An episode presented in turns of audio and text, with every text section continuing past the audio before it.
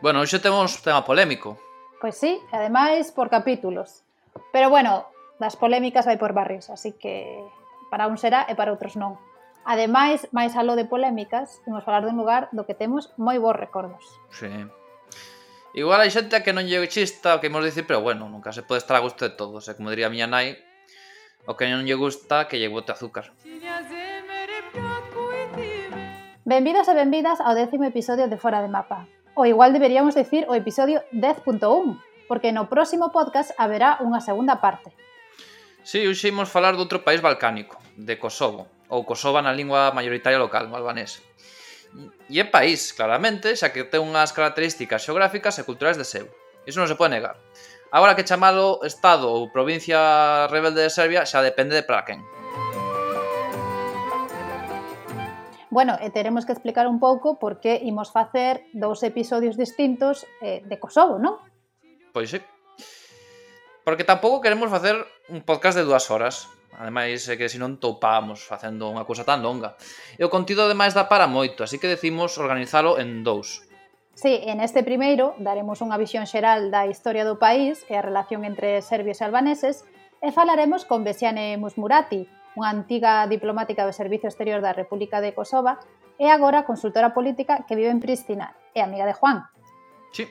E no seguinte profundizaremos nas minorías que viven no país e falaremos coutra amiga miña, experta en relacións internacionais, e que é parte da minoría serbia e que viviu case toda a súa vida en Kosovska Mitrovica, o enclave serbio máis ou menos autónomo do norte de Kosovo.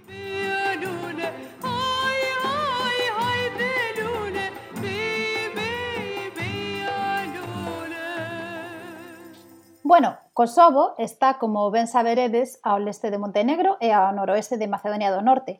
Ten un tamaño de case 11.000 km cadrados, un pouco máis grande que a provincia de Lugo, ou seja, que tampouco é a, a cousa de outro mundo. E no relativo á súa xeografía é unha zona bastante montañosa, especialmente na fronteira con Albania, Montenegro e Macedonia do Norte. A zona oriental é máis chairiña, pero con colinas que chegan até os 1.200 metros. E o centro, no que está Pristina, a capital de Kosova, é unha meseta. De feito, Pristina é a segunda capital europea máis alta despois de Madrid. Sí. Pristina, a verdade, que é unha cidade moi especial, que non é especialmente bonita, a no que recoñecer, pero ten, ten bastante encanto. Hai moita rapaciada, moita xente agradable, e ten un café e unha comida espectaculares, eso é innegable. Sí, sí, a verdade é que hai moita mocidade e moito ambientillo sí, nas moito, rúas. Moito ambiente hai. Sí. Hoxe en día a maior parte do millón 738.000 habitantes que viven en Kosovo son de etnia albanesa, ou seja, son un 92% da poboación. O 4% é de orixe serbia e o resto son minorías bosníacas, turcas, goranis e ciganos, que teñen varias subetnias entre eles. Pero os números han de ser un chisco maiores en favor da minoría serbia, xa que unha parte desta pois boicotea os censos, así que non figura. E ben, estas minorías que mencionamos son as recoñecidas pola propia Constitución da República de Kosovo, que teñen unha serie de dereitos culturais, lingüísticos e representatividade no Parlamento que está garantida por esta propia Constitución.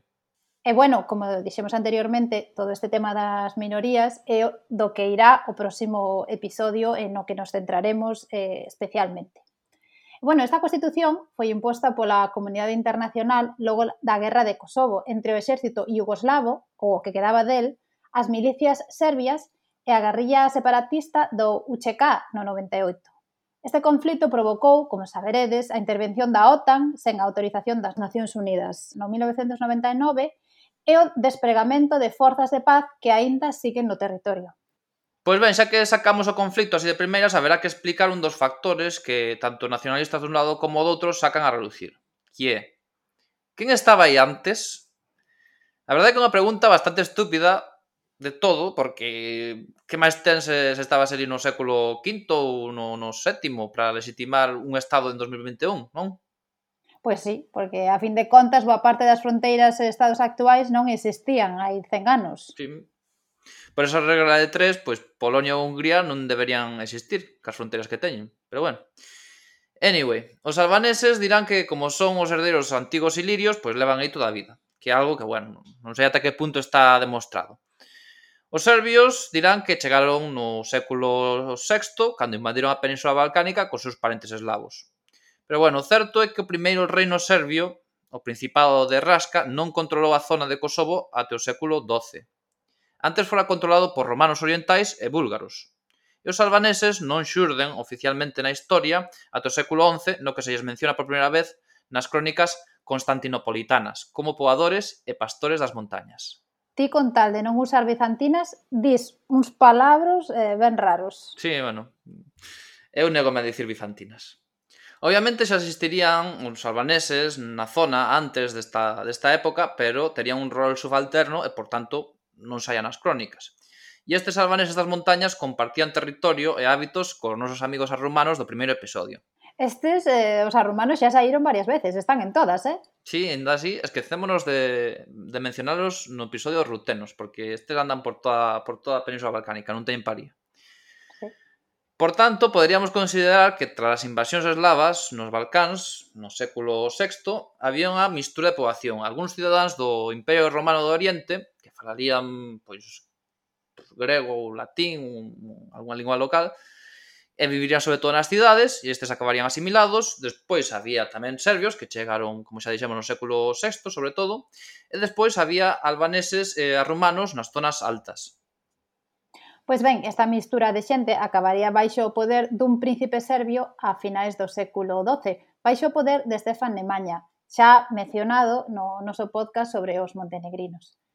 Este estado medieval serbio tiña o seu berce ao pé de Kosovo, pero non no territorio destes, senón na zona de Raška, como xa dixemos. Este territorio histórico corresponde máis ou menos á rexión serbia actual do Sanjak, onde a fronteira con Montenegro e Bosnia. Como sempre, mirade o mapa que colgamos nas redes sociais para facervos eh, unha idea destas cousas que estamos falando. Pois ben, este dominio serbio sobre Kosovo só durou dous séculos e medio. Ou seja, ese reino medieval serbio tampouco foi unha cousa loca de milenios. Si é certo que o patriarcado serbio se acabou instalando no século XIII dentro de Kosova na cidade de Peć, ou Pella, en albanés, é que no século XIV se construirían varios mosteiros importantes na zona, como o de Gračanica ou o de, de Chani. Que, por certo, son a pasada. Nos visitamos só o de Gračanica, que é ben bonito. Está nun enclave étnico xusto pé de, de Prístina, pero eh, tendes, se ides por aí tendes que ter un pouco de cuidado que as monxas porque son un pouco rabudas. Non lle rin. Sí, non, non sei que fora eso. Andaba unha monxa por ali con, con cara así como de non moi Sí, non sei se estorbábamos ou eu que sei, ou simplemente... Sí, non, non lles gustou moito a visita, eh? Non, pero bueno, nos compramos ali un, unhas tampitas ou algo, non? Eu eh, comprei un, un imán. Deixamos diñeiro, me. Non, non sexan tan rabudas, dios mío. Pois ben, este reino serbio que a mediados do século XIV chegou a dominar a maior parte dos Balcáns, tivo que enfrontarse xa bastante debilitado os exércitos turcos na famosísima batalla de Kosovo Poli. Esta tivo lugar no 1389. Como saberedes algúns, esta batalla é moi relevante no relato nacional serbio contemporáneo, xa que supuxo a morte do seu monarca, o rei Lazar, o príncipe Lazar, non estou seguro se é príncipe ou monarca, ou rei, pero bueno, tanto ten morreu nesa batalla, e esa batalla tamén marca a destrucción do Estado serbio polo poder otomano, pero obviamente tras unha heroica épica loita na que os líderes serbios prefiren obter o reino dos ceos, perdendo a batalla a vida, a manter o seu reino na terra. E claro, o príncipe serbio Lazar convertiuse nun santo e mártir pola igrexa serbia. Aínda que esta proclamación nacional religiosa só se deu a partir do século XIX. Xa se sabe, os mitos, os mártires relixiosos, a historiografía nacionalista e tal. Todas as nacións teñen un pouco bastante desto. E a galega tamén, non somos unha excepción. E o certo é que nesa batalla loitaron algúns eh, serbios no lado turco e albaneses no lado serbio, ao seren tanto súbditos como aliados do monarca serbio. De feito, algunhas crónicas da época non falan dunha derrota total serbia, serón máis ben dun empate ou unha victoria pola mínima, e algo pírrica para os turcos otomanos xa que mesmo perderon ao seu monarca nesta batalla e pararon durante un tempiño o seu avance polos Balcáns. Sí que é certo que esta batalla debilitaría terriblemente a un reino de Serbia que xa estaba bastante escangallado. De feito, este estado serbio aínda sobreviviría un tempiño máis, pero como vasados otomanos ou cun certo grado de independencia, dependendo de como de forte estivese o poder turco no momento.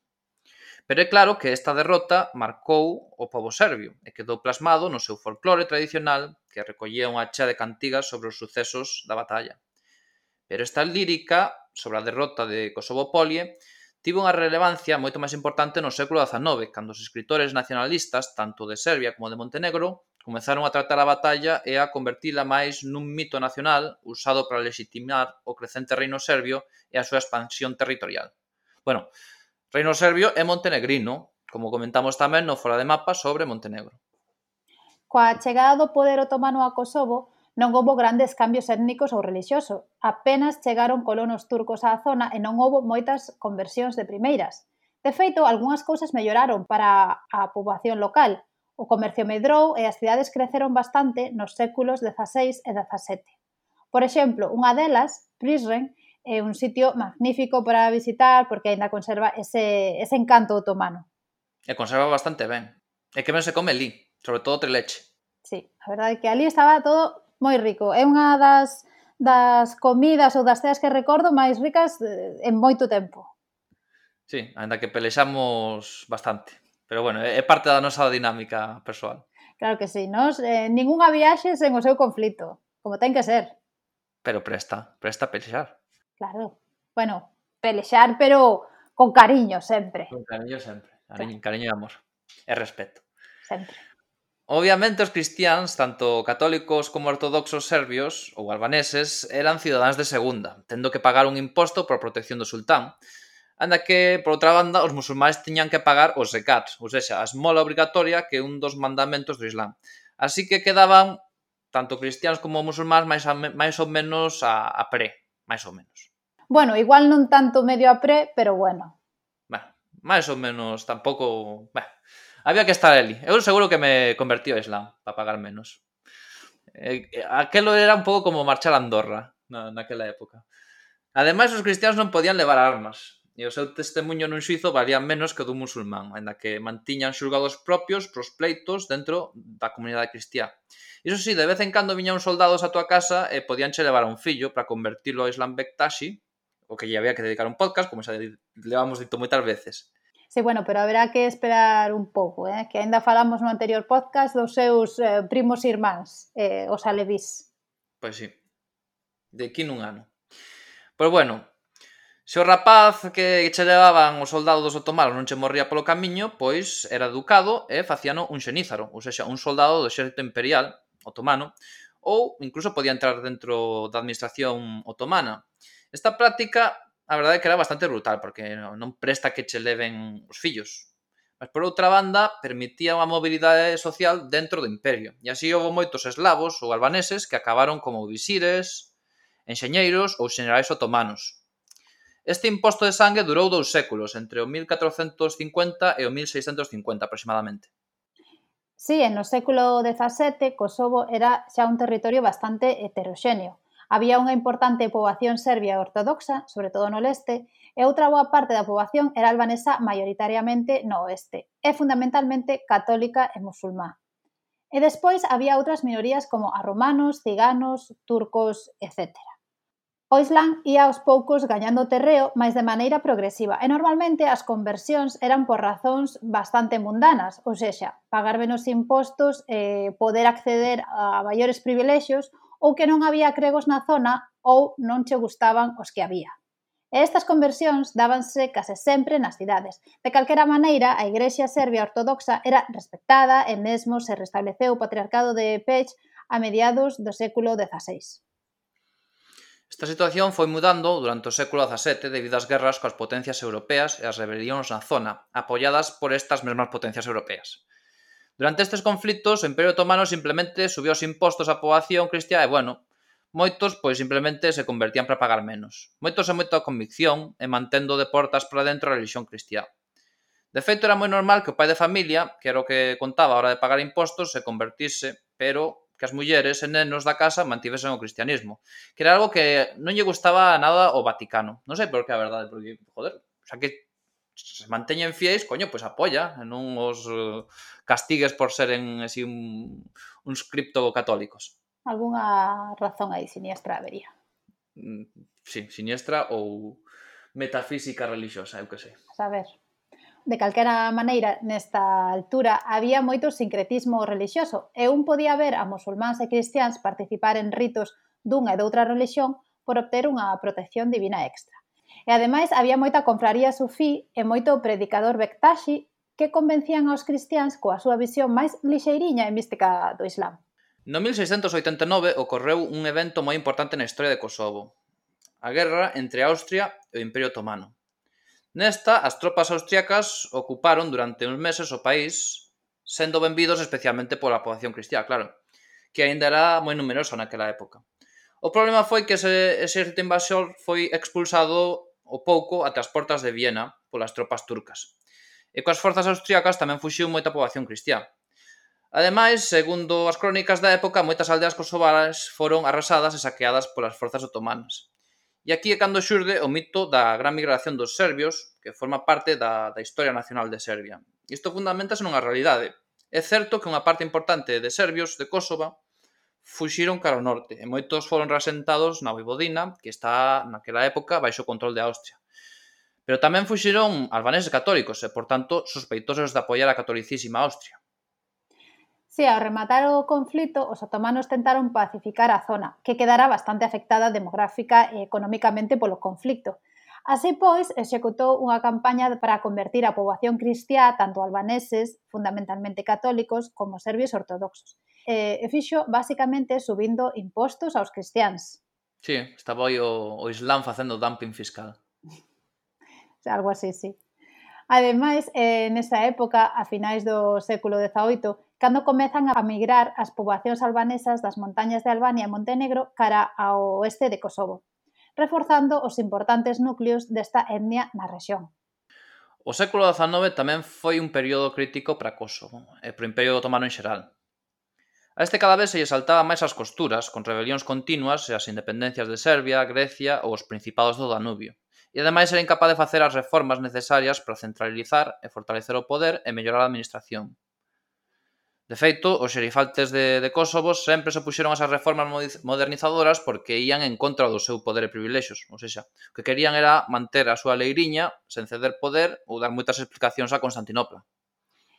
Nese século XIX a maioría absoluta da poboación de Kosovo era xa albanesa, tanto musulmana na súa maioría como católica. E tamén había unha maioría musulmana do 60%. Esta maioría sería reforzada coa chegada de milleiros de refugiados albaneses da zona de Niš conquistada polo novo reino de Serbia en 1878. Tamén se reforzaría a maioría musulmana ao chegaren nese ano miles de refugiados musulmáns de Bosnia, ao ser este país ocupado polo Imperio Austrohúngaro. E estas dúcias de miles de refugiados musulmáns tiñan unha actitude moito máis hostil contra os cristiáns, como é de esperar se te botan da túa casa, obviamente. Tamén nesta época abandonaron Kosova moitos serbios que sufriron tanto esta hostilidade, o estancamento económico e a mala administración do país e a obvia atracción para a minoría serbia que supuña un crecente reino de Serbia. Pero bueno, A pesar desta maioría étnica albanesa, o nacionalismo serbio buscou legitimar os seus dereitos sobre Kosovo, co desenvolvemento da teoría de que boa parte dos albaneses kosovares eran realmente serbios albanizados, chamoslle así, que é algo que non se sostén en absoluto, pero bueno, este tipo de teorías eran moi típicas da época para justificar dereitos sobre territorios veciños. E o reino de Serbia, eh, basicamente todos os veciños do Imperio Otomano, ou seja, Grecia, Bulgaria, Montenegro, levaban tempo con ansia e proxectando conquistar anacos deste debilitado Estado. De feito, a propia poboación albanesa aproveitou esta situación de debilidade do Imperio Otomano para rebelarse eh, unhas cantas veces. Estas rebelións foron o fundamento do despertar nacional albanés, que tivo o seu berce na cidade de Kosovar de Prizren, da que falamos anteriormente. As reivindicacións tiñan por obxectivo cousas bastante razonables, por exemplo, o servicio militar no propio país, o uso do albanés nas escolas e a administración, o respecto pola lei local consuetudinaria, o canon, ou máis ben canúns, porque había varios, unha especie de concerto fiscal para os territorios albaneses ou incluso a unión das provincias albanesas nunha soa e con certa autonomía dentro do Imperio Otomano. Por certo, que neste despertar nacional albanés xogaron un papel fundamental intelectuais arberexe, ou sexa, membros da minoría albanesa de Italia dos que falamos no noso segundo episodio do podcast. Ollo, que xa falamos de catro dos podcast que levamos feitos eh, no que vai de episodio. Así que isto sí que é un, un product placement. Sí, mete medo, eh? Ao final, están moitos dos povos dos que íbamos falando están todos interrelacionados entre eles. Pois ben, estas rebelións albanesas de finais do 19 principios do 20, tanto na actual Albania como en Kosova ou Macedonia do Norte, foron moitas veces apoiadas por Serbia e Montenegro, xa que estes dos estados buscaban utilizar estas rebelións para debilitar o poder turco. A última destas rebelións albanesas, a de 1912, foi tan exitosa e mostrou dunha maneira tan clara a debilidade otomana que animou os estados balcánicos, ou seja, Bulgaria, Grecia, Serbia e Montenegro, a se uniren para loitar contra os turcos e expulsalos da península balcánica. Así, entre 1912 e 1913, os exércitos montenegrino e serbio avanzaron por Kosova e o norte de Albania até ocuparen estes territorios. E estes exércitos exerceron unha violencia que sería descrita desta maneira por un famoso corresponsal de guerra. Os serbios da Bella Serbia, no seu obxectivo nacional de correxir os números das estatísticas étnicas que non son favorables a eles, están a levar a cabo un simple exterminio da poboación musulmana na zona. Isto decía Leon Trotsky, que foi corresponsal de guerra dun xornal ucraíno durante este conflito. Pola súa banda, o arcebispo católico de Skopje cifraba en 25.000 os albaneses asasinados polo exército serbio en Kosovo. Isto dicía o arcebispo sobre Prizren, unha das cidades principais de Kosovo. A cidade parece o reino da morte. Os soldados serbios tiran coas portas das casas dos albaneses, levan os homes e metenlles un tiro inmediatamente. Nuns cantos días o número de homes asasinados chegou aos 400, Nos relativos saqueos e violacións non fai falta nin mencionalos. Por tanto, a orde xeral parece que é que todo está permitido contra os albaneses. O mellor dito, non só permitido, senón buscado ou ordenado. E a pesar destes horrores, o comandante das forzas serbias obrigou os notables albaneses da cidade a enviarlle un telegrama ao rei de Serbia dándolle as grazas pola liberación van te contratar de dobre de Julián Barrios. No, no, que me van contratar é para dar a misa na galega, penso. Está ben. Bueno, moi, moi pavero o comandante este serbio, eh? Se, sí, tiña bo sentido do humor. Bueno, tamén en estes anos, entre o 1912 e o 1913, nos que xurde o Estado de Albania, ao que lle costará moito exercer a soberanía sobre un territorio que aínda non estaba definido de todo, pero que tiña unhas fronteiras similares ás actuais. De todas as maneiras, tanto Albania como Kosovo e Serbia serían ocupadas ao pouco durante a Primeira Guerra Mundial polas potencias centrais. Pero esta ocupación só durou tres anos. Ao acabar a guerra, Kosova retornou o poder da, dunha Serbia integrada no novo reino de Yugoslavia. Que, bueno, Realmente nesa altura era o reino dos serbios, croatas e eslovenos, pero para forrar traballo chamamos así, reino de Yugoslavia, que se di máis rápido. Durante a época de entreguerras, o reino de Yugoslavia buscou enviar colonos serbios para mudar a composición étnica de Kosova, no que os albaneses representaban alrededor do 65% e os serbios un 24%. Estes colonos serbios recibían terras, moitas veces confiscadas aos propietarios albaneses, e tamén recibían subsidios, tiñan uns costes de transporte pagos, etc. Ao final chegarían alrededor de 70.000 colonos serbios, un 10% da poboación total. Ainda así, insuficiente para cambiar a maioría. Ademais, neste período de entreguerras houve unha forte represión contra a lingua albanesa, excluindo a de igrexas e escolas, eh, os apelidos albaneses eran deturpados e engadíanselle o ich ao final, ou directamente traducíanse ao serbio croata. Mesmo a poboación albanesa non era nin concebida como unha etnia aparte, senón como serbios eh, descarriados. Esta represión produxo levantamentos en certas zonas, rebelións que eran apoiadas polo novo Estado albanés e que foron esmagadas con dureza polas forzas iugoslavas. Mesmo houbo negociacións coa República de Turquía para mandar alá, ou mellor dito, expulsar a 40.000 eh, familias albanesas e turcas, pero o comezo da Segunda Guerra Mundial impediu a consecución deste plan. Este plan loquísimo. Bueno, pero les pagaban por expulsar.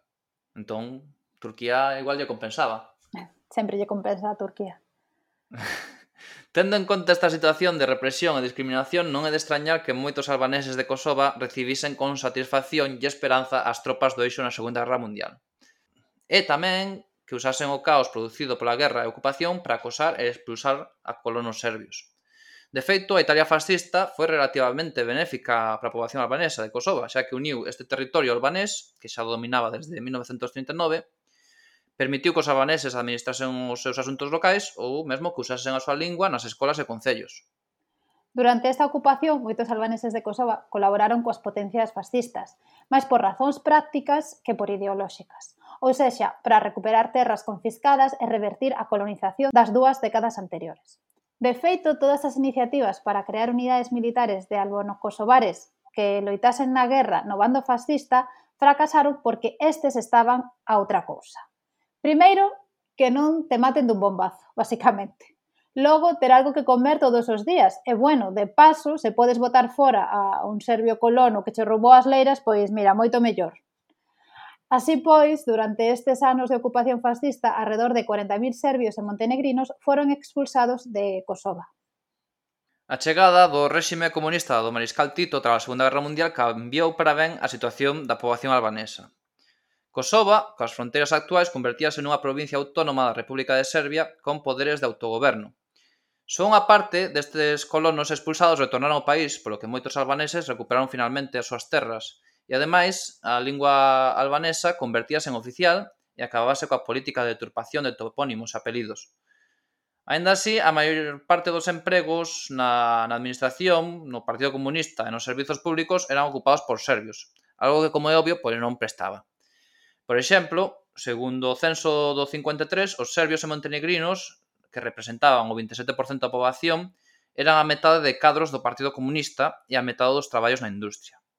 Por tanto, os albaneses eran desplazados a empregos ligados á agricultura ou á xestión administrativa máis básica. Ademais, tampouco prestaba que Kosova fose unha zona bastante deprimida, eh, cunha renda tres veces inferior á da rica Eslovenia.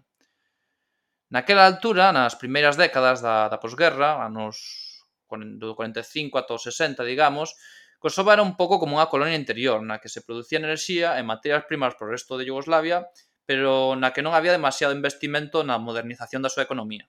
Esta situación cambiou a partir do ano 1966, ano no que se dá maior autonomía a Kosovo, até o punto de ter unhas competencias similares ás das repúblicas federadas, como Eslovenia, Croacia ou Montenegro. Ademais, tentouse equilibrar a representación dos albaneses tanto no Partido Comunista como na Administración e Industria do país.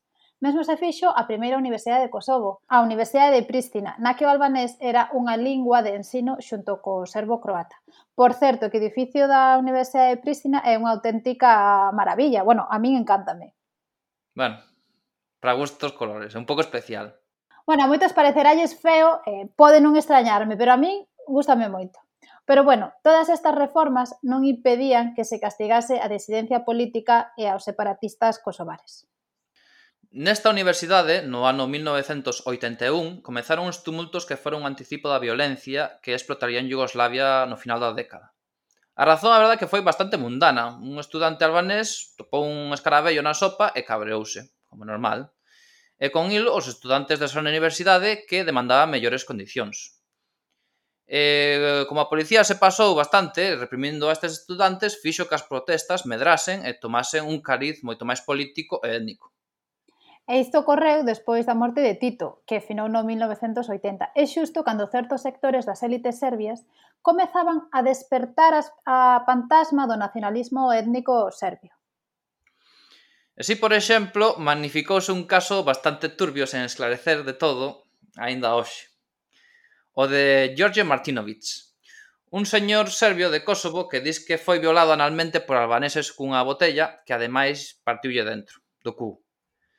Pero tamén se di que o señoriño andaba a facer porcalladas coa botella el só e tivo un accidente. Non está claro, pero aínda que parece un pouco tontuna e parvada todo este tema, Este caso foi moi relevante porque foi explotado polos nacionalistas serbios e os seus medios de comunicación para denunciar e exagerar eh, todo este acoso por parte dos albaneses contra a minoría serbia. Xa sabedes, un pouco o tema este de que os albaneses son todos uns violadores, hai un xenocidio contra os serbios e tal, que logo despois non se correspondían coas estadísticas recollidas, porque hai estadísticas sobre violencia sexual, tanto en Kosovo como en Serbia, e estadísticas eh, do censo. Non sei, pero a verdade é que nos contas unhas cousas bastante truculentas. Nunca escoitara eu uh, falar dese episodio tan estrano. Pois é, eh, moi relevante, eh? a verdade é moi relevante, era... non sei. Un pouco como como dos menas hoxe en día, que son todos uns ladróns, uns violadores e tal.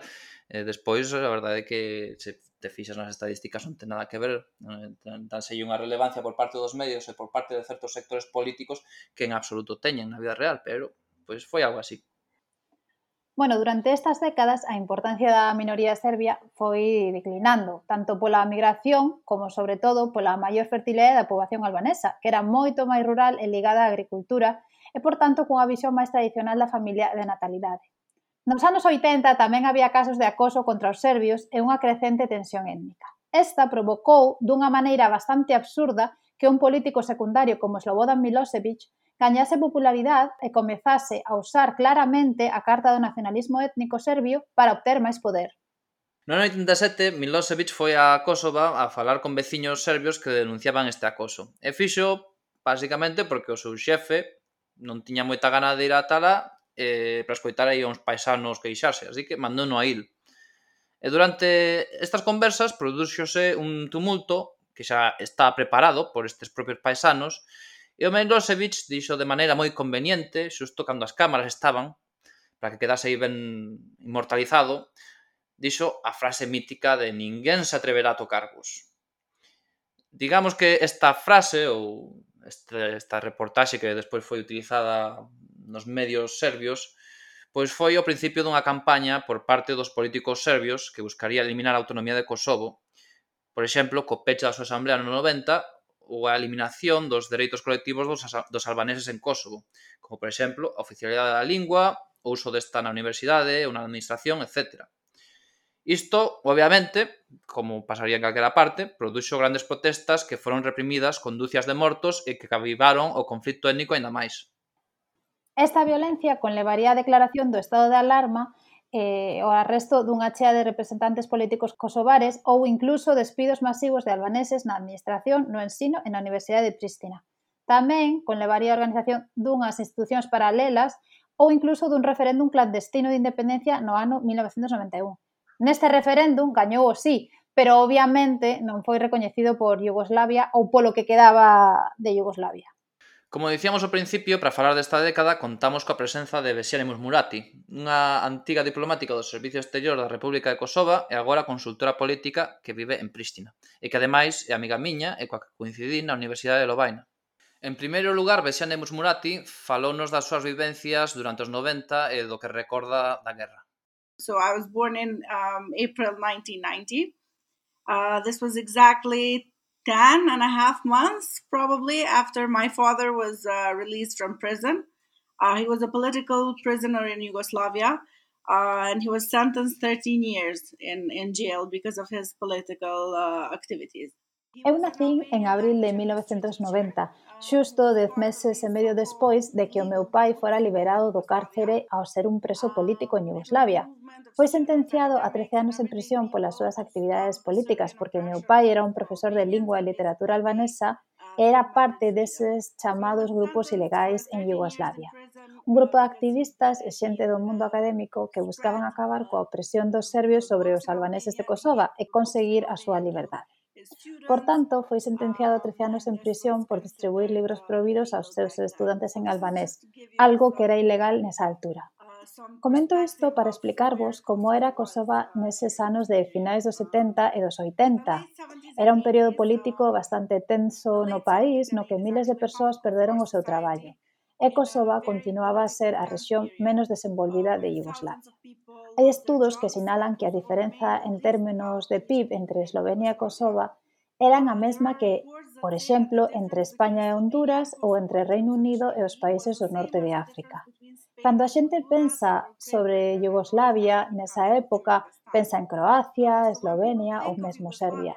Pero Kosova era a outra Yugoslavia, unha Yugoslavia na que profesores acababan en prisión por reclamar a liberdade do país o lugar onde a xente era despedida por criticar o sistema, onde as escolas para os nenos albaneses eran pechadas e a sociedade estaba completamente segregada étnicamente.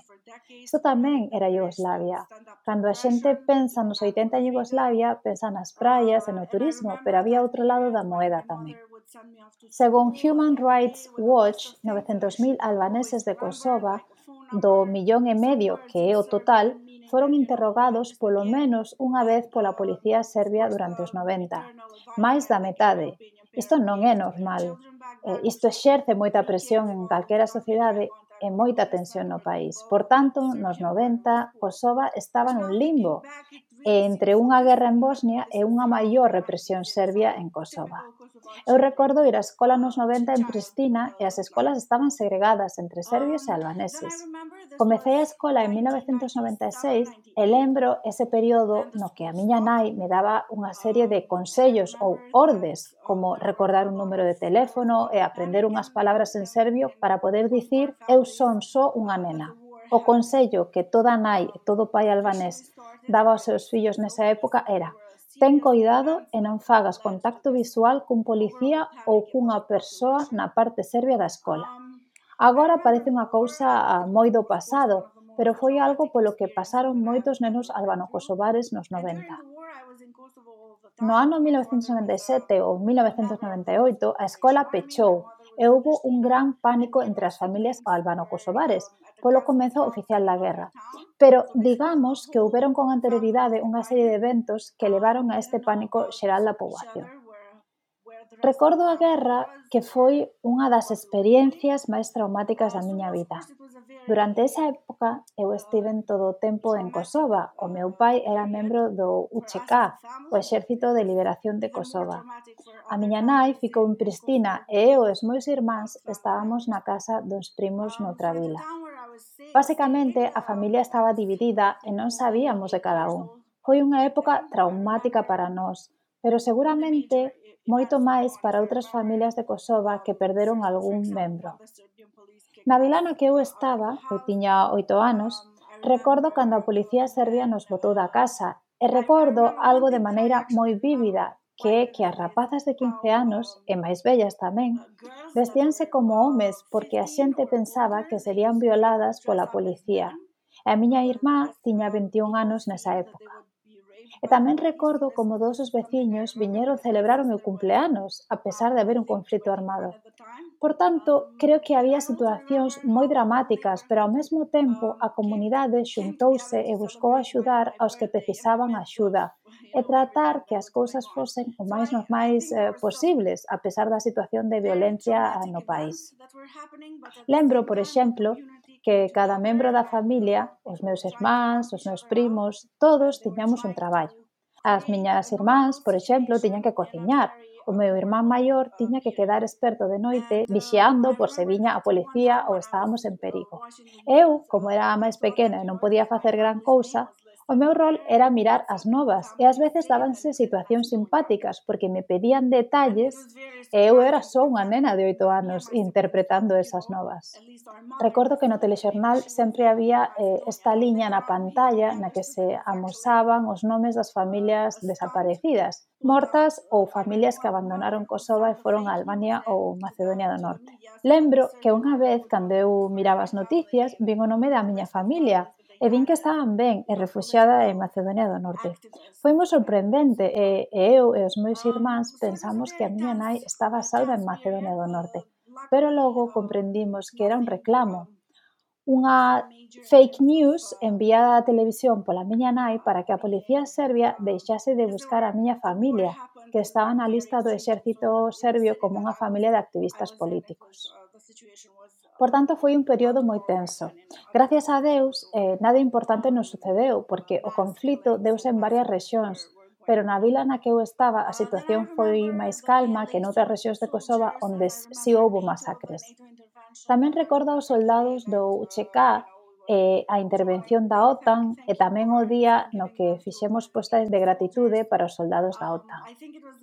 Creo que as primeiras tropas en entrar na vila na que estaba eran francesas e tiñamos bandeiriñas de Francia e da OTAN. Foi un momento moi feliz. Despois reunime primeiro coa miña nai e logo co meu pai e voltamos a vivir en Pristina. E penso que fomos felices a partir de aí. When that happened, Uh, then I reunite, reunited with my mother first, and then with my father, and then we moved back the whole family to Pristina. And uh, yeah, I guess we lived happily ever after. Ademais, tamén nos describiu como era a vida dunha rapaza kosovar nos 2000, antes de constituirse a República de Kosovo no 2008. Well, in a personal level, I would say that it was great. I really loved it. Um, as a kid, uh, I went back to school. I reunited with my friends. Uh, we had internet at home. We started to learn English. So it was like on a personal level. It was... A nivel persoal foi unha época maravillosa. Eu era unha nena e voltei á escola. Reencontreime cos meus amigos, tiñamos internet na casa, aprendín inglés. Era un momento moi bo e éramos moi optimistas con respecto ao futuro. Éramos libres por primeira vez na nosa historia e eso significou moito. Penso que foi un bo período, aínda que estivésemos nun limbo. A ONU controlaba o país e este ia aos poucos construindo as súas institucións. Tivemos as primeiras eleccións libres, un primeiro ministro e un presidente. Foi un período de crecemento. Tamén comezou a chegar moita axuda internacional, que comezou a dinamizar a economía, pero penso que é importante ter en conta o nivel persoal e para a maioría de kosovares foi un momento no que definir os seus destinos de cara a autorrealizarse. Por exemplo, o meu irmán denso de conta que por primeira vez na súa vida podía realmente convertirse nun arquitecto, e de feito é arquitecto hoxe en día. Foi un período no que a xente comezou a pensar no que querían e no que podían lograr, un período no que existía liberdade para soñar e para realizar, nalgúns casos, eses soños. Tamén foi un período de crecemento persoal, Por iso moita xente en Kosovo aprendeu inglés, tentou estudiar no estranxeiro e trataron de facer cousas que antano eran imposibles. En 2008, o primeiro ministro Hashim Tachi declarou a independencia e foi como un soño feito realidade. Foi o momento máis importante da nosa historia, un momento no que todo o mundo estaba feliz e era optimista sobre o futuro.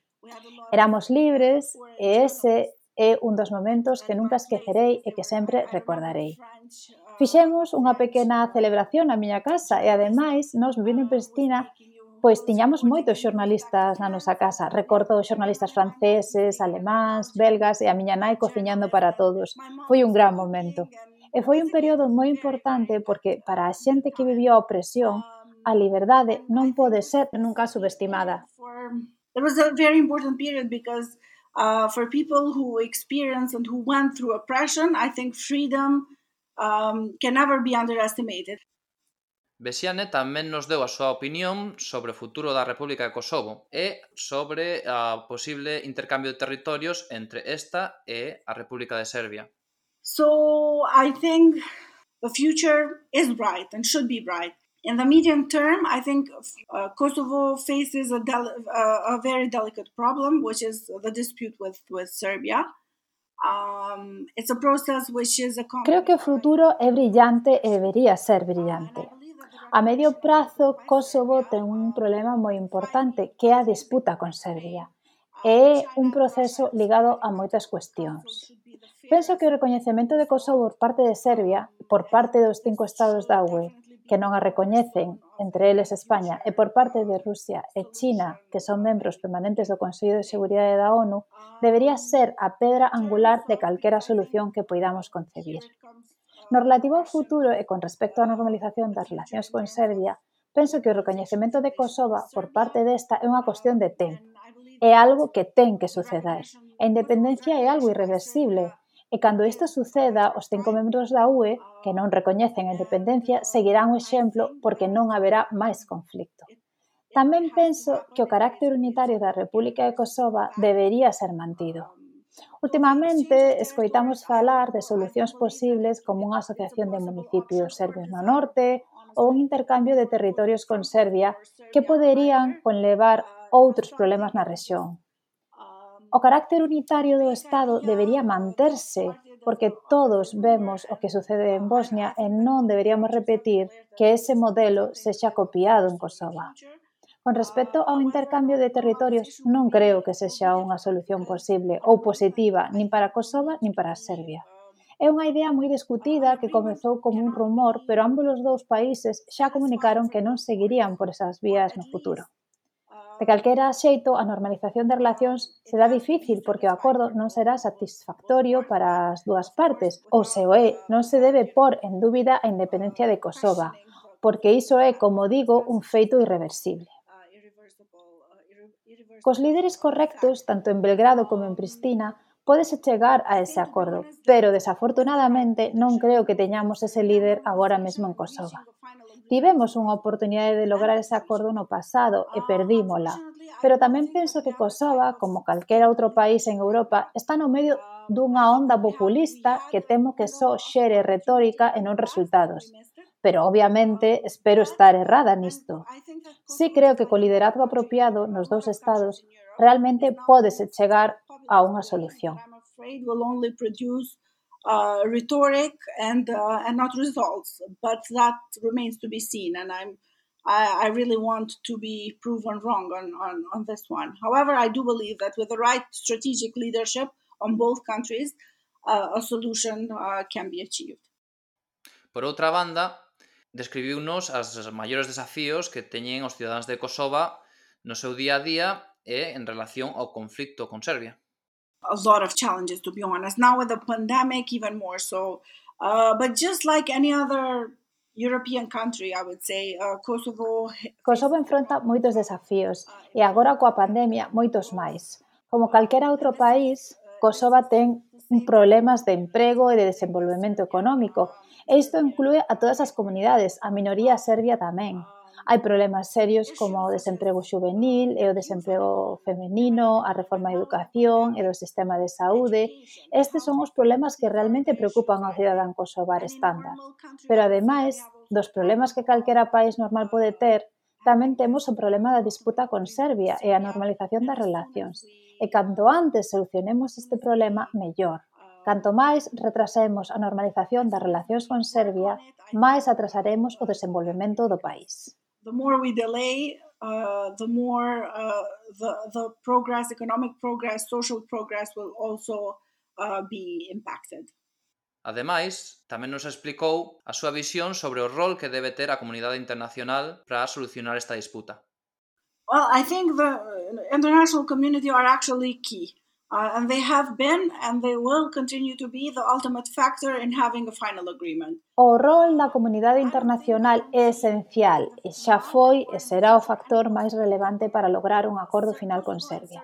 Non creo e non vexo agora ou no futuro que Serbia e Kosova logren un acordo por si sí mesmos, sen asistencia da comunidade internacional. Esa é a razón pola que o rol desta é tan importante. Nos últimos anos vemos que, debido a que nos está levando moito tempo lograr este acordo, hai un maior desinterese por parte da comunidade internacional en solucionar este problema. Creo que a normalización de relacións e o reconhecemento da República de Kosova suporía unha maior paz e estabilidade para a rexión e abriríalle as portas da UE a adhesión á UE debería ser usada tanto para premiar como para castigar, de maneira que Kosovo e Serbia busquen solucións creativas para chegar a un acordo. Sen a acción da comunidade internacional non vexo que haxa progresos na solución desta disputa, e tendo en conta que os estados da rexión dependen economicamente da UE e dos Estados Unidos, penso que é aínda máis importante que a comunidade internacional teña un rol máis activo á hora de atopar unha solución ao conflicto. Incentive for for our international partners to to be involved and to kind of have a say in what what comes up comes up as a final agreement. Finalmente, Besiane comentou que ten un certo medo a que esta disputa se poida estancar no tempo e que non haxa un acordo con Serbia a corto plazo. Well, I think we're actually going that way, to be honest. Um, that's why I said we may, we had a window of opportunity and we kind of missed it. From 2013 and onwards, we've had... Creo que imos na dirección dun bloqueo. Como uh, xa dixen, tivemos a oportunidade de chegar a un acordo e perdémola. Desde 2013 logramos bastantes acordos gracias a ese diálogo entre Kosovo e Serbia propiciado pola UE. E iso produxo resultados importantes, pero este diálogo foi deseñado para que se lograsen acordos técnicos nunha escala menor, que acabarían xerando o ambiente e as condicións para lograr un acordo final. Penso que sí foi unha boa estrategia ao principio e creo que se creou ese certo ambiente optimista ao ver por primeira vez ao primeiro ministro de Kosovo e de Serbia reunidos e discutindo ao redor dunha mesa. Iso foi un progreso importante, pero non era suficiente, xa que as solucións técnicas non se traducen en solucións a longo termo. Por iso precisamos do liderazgo político da UE e dos Estados Unidos, para rematar con este continuo diálogo entre pequenos temas técnicos e lograr un acordo político final e acabar coa disputa.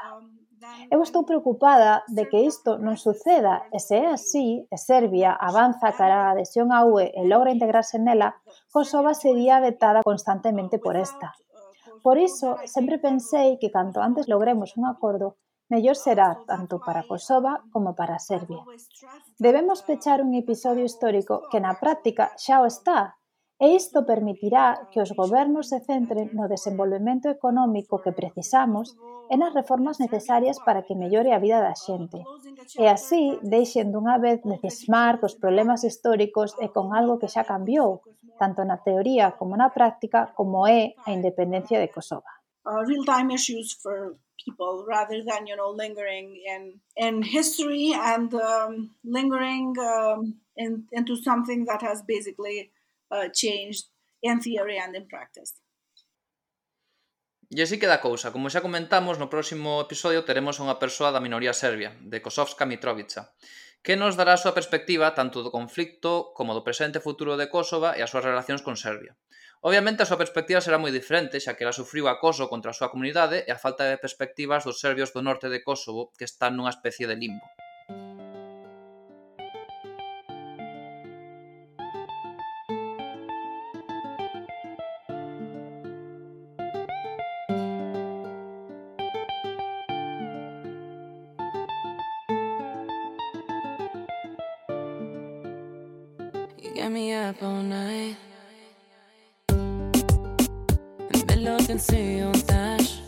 Pois ese pechamos o Fora de Mapa con Dafina Sechiri, eh, unha versión moderna e así máis alegre de Lule Lule, unha canción tradicional albanesa. E por certo, que case gaña Eurovisión, teñamos que falar de Eurovisión, obviamente, un albano kosovar, o John Tears, o representante de Suiza. Sí, un de tantos albanos kosovares de Suiza. A canción era das miñas preferidas, eh? Tamén gustoume bastante. A ver, Juan, non te veñas arriba tampouco, eh? Co cante. Isto... Se queres facer un podcast de cante, fas outro. De cante hondo. Bueno, sí, está ben. A min a verdade que a miña favorita era, era a francesa Bárbara Pravi, pero bueno, sí. unha magua. Tamén molaba, pero bueno, non somos moi clasicotes eurovisivos, non é?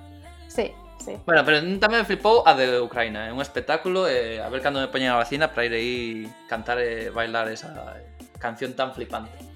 Bueno, a mí non me flipou nada, pero bueno. Bueno, falando de música, eh, tamén temos que dicir que as famosísimas Dua Lipa e Rita Ora son autóctonas de Kosova e con moito orgullo de selo, ademais. Ás veces igual un pouco de máis, pero bueno. Sí, a Dua Lipa ás veces, flipase de máis nas redes sociais sobre todo. Gjithë të pamenume Qa ka ndodhë dje e harrume Sot e kalume Bueno, antes de despedirnos, queremos dedicar este capítulo a unha persoa moi entrañable que coñecimos no 2018 en Kosovo, a Nehar Idritza, un montañeiro que nos levou de paseo polos Montes Xar, preto de Prisen, e que, bueno, case afogamos subindo monte arriba, mentres que el iba eh, tan pichi. Sí, iba sobrado, e ademais estaba a facer o ramadán. E nos íbamos topados. E eso que íbamos comendo e bebendo polo camiño, pero bueno. Sabemos que morreu ano pasado e quedamos bastante sorprendidos porque o tipo parecía que tiña bastante de saúde. Así que dedicamos este episodio para ir.